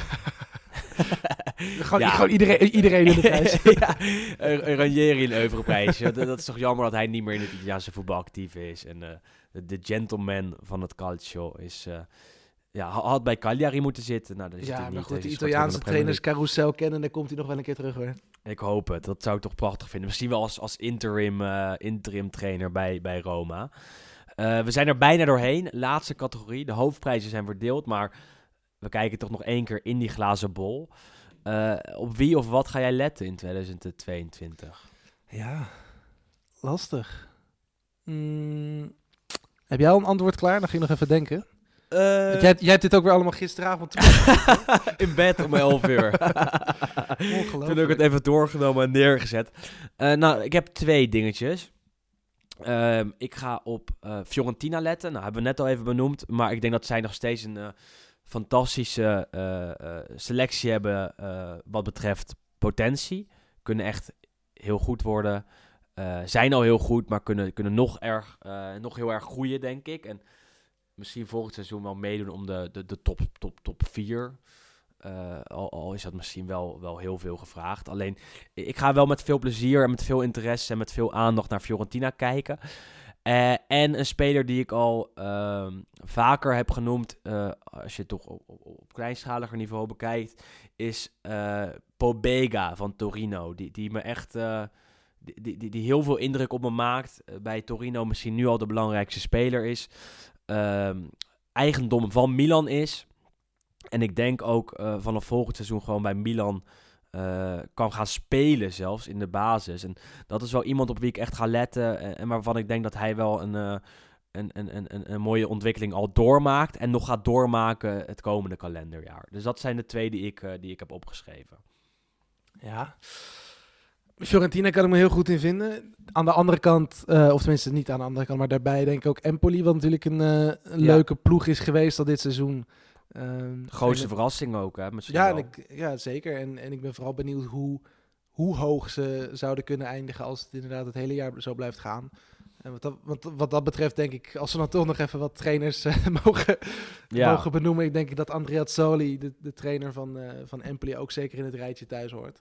Eh, die gewoon echt een heel goed 2021 heeft, heeft gehad. Natuurlijk kampioen geworden in, in de Serie B. En nu het zo goed doen in de Serie A. Dat is natuurlijk ook niet veel, veel trainers gegeven. Ehm, en ja, ik ben eigenlijk vooral ook heel erg benieuwd naar die transfermarkt. Heb ik natuurlijk vorige keer ook al gezegd. Maar dat er bij best wel veel ploegen eh, ja, toch wel moedjes zijn. Dus er moet echt iets gebeuren op die transfermarkt. Dus ik ben gewoon heel benieuwd hoe, hoe dat gaat gaan. Eh, natuurlijk ook vanwege de financiële mogelijkheden van de meeste ploegen. Maar eh, ook vooral natuurlijk in de essentie wie er gaan komen. En hoe dat die teams gaat veranderen. Want ik denk wel dat als je ja, een goede verdediger weer neerzet bij Milan. Als je het spits koopt bij, eh, bij Juventus, dat er echt wel weer bij beide ploegen een, een stijgende lijn mogelijk is. Ehm, dus ja, ik ben, eh, ik ben eigenlijk vooral heel benieuwd naar die eerste. Gelijk eigenlijk, ja, dat is natuurlijk de eerste maand van, eh, Ja. van 2022 al. Dus wat dat betreft word ik snel. Iemand komt met de deur in huis vallen. Precies. ik word snel geholpen. Nee, maar ik denk, ik denk op basis van de cijfers bijvoorbeeld. Zie je ook aan heel veel dingen dat. je- tenminste, naar Juventus kijken. Het, het onderliggende, de onderliggende cijfers zijn niet zo heel slecht. Alleen het, het is wel gewoon heel duidelijk dat daar echt Het spel wel. mist. Kom op, Juve is Nee, echt nee, zo nee, slecht geweest. Ja, ja, absoluut, absoluut. Maar de cijfers vallen nog best wel mee. En dat is natuurlijk wel opvallend dat eh, bijvoorbeeld bij expected goals volgens mij hebben alleen Inter, Napoli en Roma meer expected Ja, goals. Qua expected goals tegen heeft volgens mij alleen Napoli er minder. Zij alsnog Eh, vierde. Natuurlijk, maar ik bedoel, het is natuurlijk wel, ja, je mist daar echt een spits. Dus ik hoop met al mijn, alle, alle ja, hoop die ik mag, eh, mag hebben dat Vlaovic deze winter ook Ja, komt. Dat hij zegt van, hé niets jongens, Kamaka. en iets kan makken in dat Ja. geval. Maar ik, eh, ik ben eigenlijk vooral heel erg benieuwd naar die transfermarkt. Niet alleen bij, bij Juventus, maar ook of Botman naar Milan gaat. Of Atalanta nog ergens een exotische verrassing vandaan tovert. Naast eh, Boga, die ze natuurlijk nu al binnen hebben. Van Sassuolo, wat er ja. bij Inter gaat gebeuren, of daar misschien nog iemand bij komt. Nou, of weggaat, hè? of weggaat. Ja, ik, eh, ja ik, daar kijk ik heel erg naar uit. Maar echt, en- eh, ja, specifieke spelers, ja, er zijn natuurlijk sowieso bij... Bij de meeste ploegen lopen er wel wat leuke talenten rond. Ehm, Fratesi van Sassuolo. Komt die in je ja. op ook? Ja, dat is natuurlijk wel. Al, al is hij natuurlijk al wel wat bekender. Ja. Eh, bij Fiorentina, een van de spelers die bij Venetia in verleden heeft, die ik ook zelf een, een, mooi spelertje vind, is eh Malé. Hij speelde nu de laatste weken weer iets vaker, scoorde volgens mij één of twee keer. Eh, mooie middenvelder, flegmatiek, klein. Ehm, dat is ook wel iemand die, eh, waar ik wel vertrouwen in heb dat hij misschien in het tweede seizoen zelf nog iets meer los zal, eh, los, los zal gaan komen. Dus wat dat betreft denk ik dat het ook 2022 weer een, een, een mooi jaar gaat worden voor Ja, En de laten A we, en voor. Precies. En, en, en laten we hopen dat de Nederlanders en de Belgen in 2022 weer iets vaker aan de bak komen. Want vooral wat betreft de Nederlanders was het in 2021 geen vetpot. Eh, ja, heel veel toch wel een basisplek verloren. Ja, nou goed, met Koopmijners heb je natuurlijk wel iemand terug. Op zich die weer nu gewoon goed in de, goed in de basis staat. Maar ja, blessures natuurlijk ook. Hè. Karsdorp, Hatenboer geblesseerd. Schouten, Dijks ja. niet altijd, ook niet altijd fit geweest. Nou, de Vrijde speelt natuurlijk wel eh, praktisch alles daar. De Licht gaat misschien wel een transfer maken. Nou, Dan hebben we nog de Belgen. Praat. Ja, Lukaku al weg. Mertens. Nog maar de vraag of hij zijn contract bij Napoli gaat verlengen. Theat bij Bologna Ja. natuurlijk wel goed, eh, goed begonnen. Ja, ja, wel, wel interessant om in de gaten te houden. En eh, nou ja, kijk, het, het wordt gewoon weer een mooi jaar. Dat is eigenlijk de eindconclusie. Alle awards zijn uitgedeeld, maar ook in 2022 gaan wij door. Eh, in ieder geval nog tot het einde van het seizoen met elke dinsdag een aflevering. Of bijna elke dinsdag, want eh, ja, volgende week zijn we er niet. De week erna ben ik, als het goed is, op vakantie. Is Wes wel weer terug in Nederland. Dus gaan we even kijken hoe we het gaan oplossen. Ehm, maar dat komt vast en zeker goed. Eh, we zijn aan het einde van de, van de terugblik, denk ik. We zijn aan het einde van het kalenderjaar. Ja, einde van het kalenderjaar. De vraag wat ga jij, hebben we wat ga jij eten? al- Pandoro of panettone? Nou, ik... ik, ik- oh, ja, eh, Wes, allebei niet. Je, je laat me, je, laat me iets opbiechten. Want ik heb... Ik, heb eh, ik had tot afgelopen weekend... Had ik nog nooit panettone of Pandoro gegeten. Jezus. Nog nooit. En, en toen dacht ik... Weet je wat? Het is kerst. Ik ga naar mijn ouders. Ik haal eh, op donderdag nog even een panettone. Een panettone classico. Dus ik loop naar de Italiaanse eh, speciaalzaak. Hier eh, toch wel twee, drie straten verderop. Ik loop naar binnen met mijn bril op. Die heb ik nog steeds af en toe op. Met mijn mondkap. Ja, bril beslagen. Dus ik kom binnen een beetje aan het zoeken. En eens vragen aan de meneer daar. Want hij, hij vraagt, kan ik je helpen? Ik zeg, ja, ik wil heel graag een panettone classico. Eh, eh, zegt hij tegen me, nou ja, ik, ik eh, heb de normale al uitverkocht. Die vond ik vorige keer ook nogal duur, dus vandaar dat ik ze niet eerder had gekocht. Maar ik heb ofwel de kleine nog, ofwel die van 1 kilo. nou, toen zag ik de kleine en die vond ik wel heel klein. Dus toen dacht ik, nou ja, dan koop ik die van 1 kilo. Dus, dus nou, de, de normale panettone eh, ga ik afrekenen, bril nog steeds beslagen. Maar tussen dat beslagen glas door zie ik het bedrag staan op die pinautomaat. Gewoon 39,50 voor een Ja. panettone van een kilo. Nou, dat is echt wel, eh, wel heel duur, vond Maar ik. goed, het is maar één keer kerst in het jaar. hè. Nee, precies. En het was lekker. En eh, wat is nou de lekkerste? Met, met, met pistache crème of zo, hè, hoorde ik. Pff, Ja, je hebt, je hebt veel keuzes. Je hebt natuurlijk ook dingen met, met chocoladestukjes er nog in en met rozijnen. Ik vind eigenlijk gewoon de, de classic, Ja. de classico vind ik het, eh, het best. En dan ben je ook een panettone man en geen Pandoro. Nee, ik ben wel panettone inderdaad. Ja, ja Pandoro vind ik, dat lijkt me ook wel lekker. Misschien ga ik dat straks nog wel even halen. Want je eet het dus ook, eh, niet alleen met kerst, maar ook met nieuwjaar, als ik het goed begrijp. Ja, het is een beetje zo'n feestdagen ding natuurlijk eigenlijk. Hè? ja, ja, nou, in dat geval dan ben Flesje ik niet te prosecco erbij, glaasje wijn. Maar ik ga niet weer 40 euro eh, neerleggen. Ja, ja, zoveel verdienen we ook niet met deze podcast. Sterker nog, 0 euro per jaar eh, tegenwoordig. Dus ja, maar goed. Eh, luisteraars, hartstikke bedankt voor het luisteren. Echt, echt heel erg leuk dat jullie er ook in België zijn bijgekomen. We halen luistercijfers die we nou ja, nooit hebben gehad. En waar we misschien ook nooit van hadden durven dromen. Dat is natuurlijk vooral met dank aan de vrienden van Friends of Sports. Eh, die ik in deze podcast wel noem. Bij Eleven Sports eh, was ik dat vergeten. Eh, en natuurlijk eh, met aan FC Afkikken die nog steeds aan ons verbonden zijn. Microphone Media wil ik bedanken voor alle studiosessies die we hebben mogen doen het afgelopen jaar. Hartstikke aardig en ja, hartstikke behulpzaam. Ehm, en natuurlijk verantwoordelijk voor goed geluid. Eh, bedankt aan, aan jullie vooral, aan alle luisteraars nogmaals. Eh, daarvoor doen we het. En eh, het is elke keer weer leuk om te zien hoeveel mensen er geïnteresseerd zijn in Italiaans voetbal. En hoeveel meer er dat toch altijd lijken te worden. En ja, dat is toch dankzij jullie dat wij er nog elke week en elke dinsdag zijn. En, Applausje voor jezelf. en jij dank, Wes. Hè, Ja, voor, en jij ook. er is, er is niemand met wie ik beter over Italiaans voetbal kan praten dan met jou. Eh, en dat doen we ook nog eens eh, op, de, op de microfoon, met de microfoon voor onze neus. En ik ben dus, vooral ook eh, heel blij dat jij eindelijk een keer een succesje hebt kunnen hebben dit jaar. Vind je, me, vind je me niet arrogant geworden?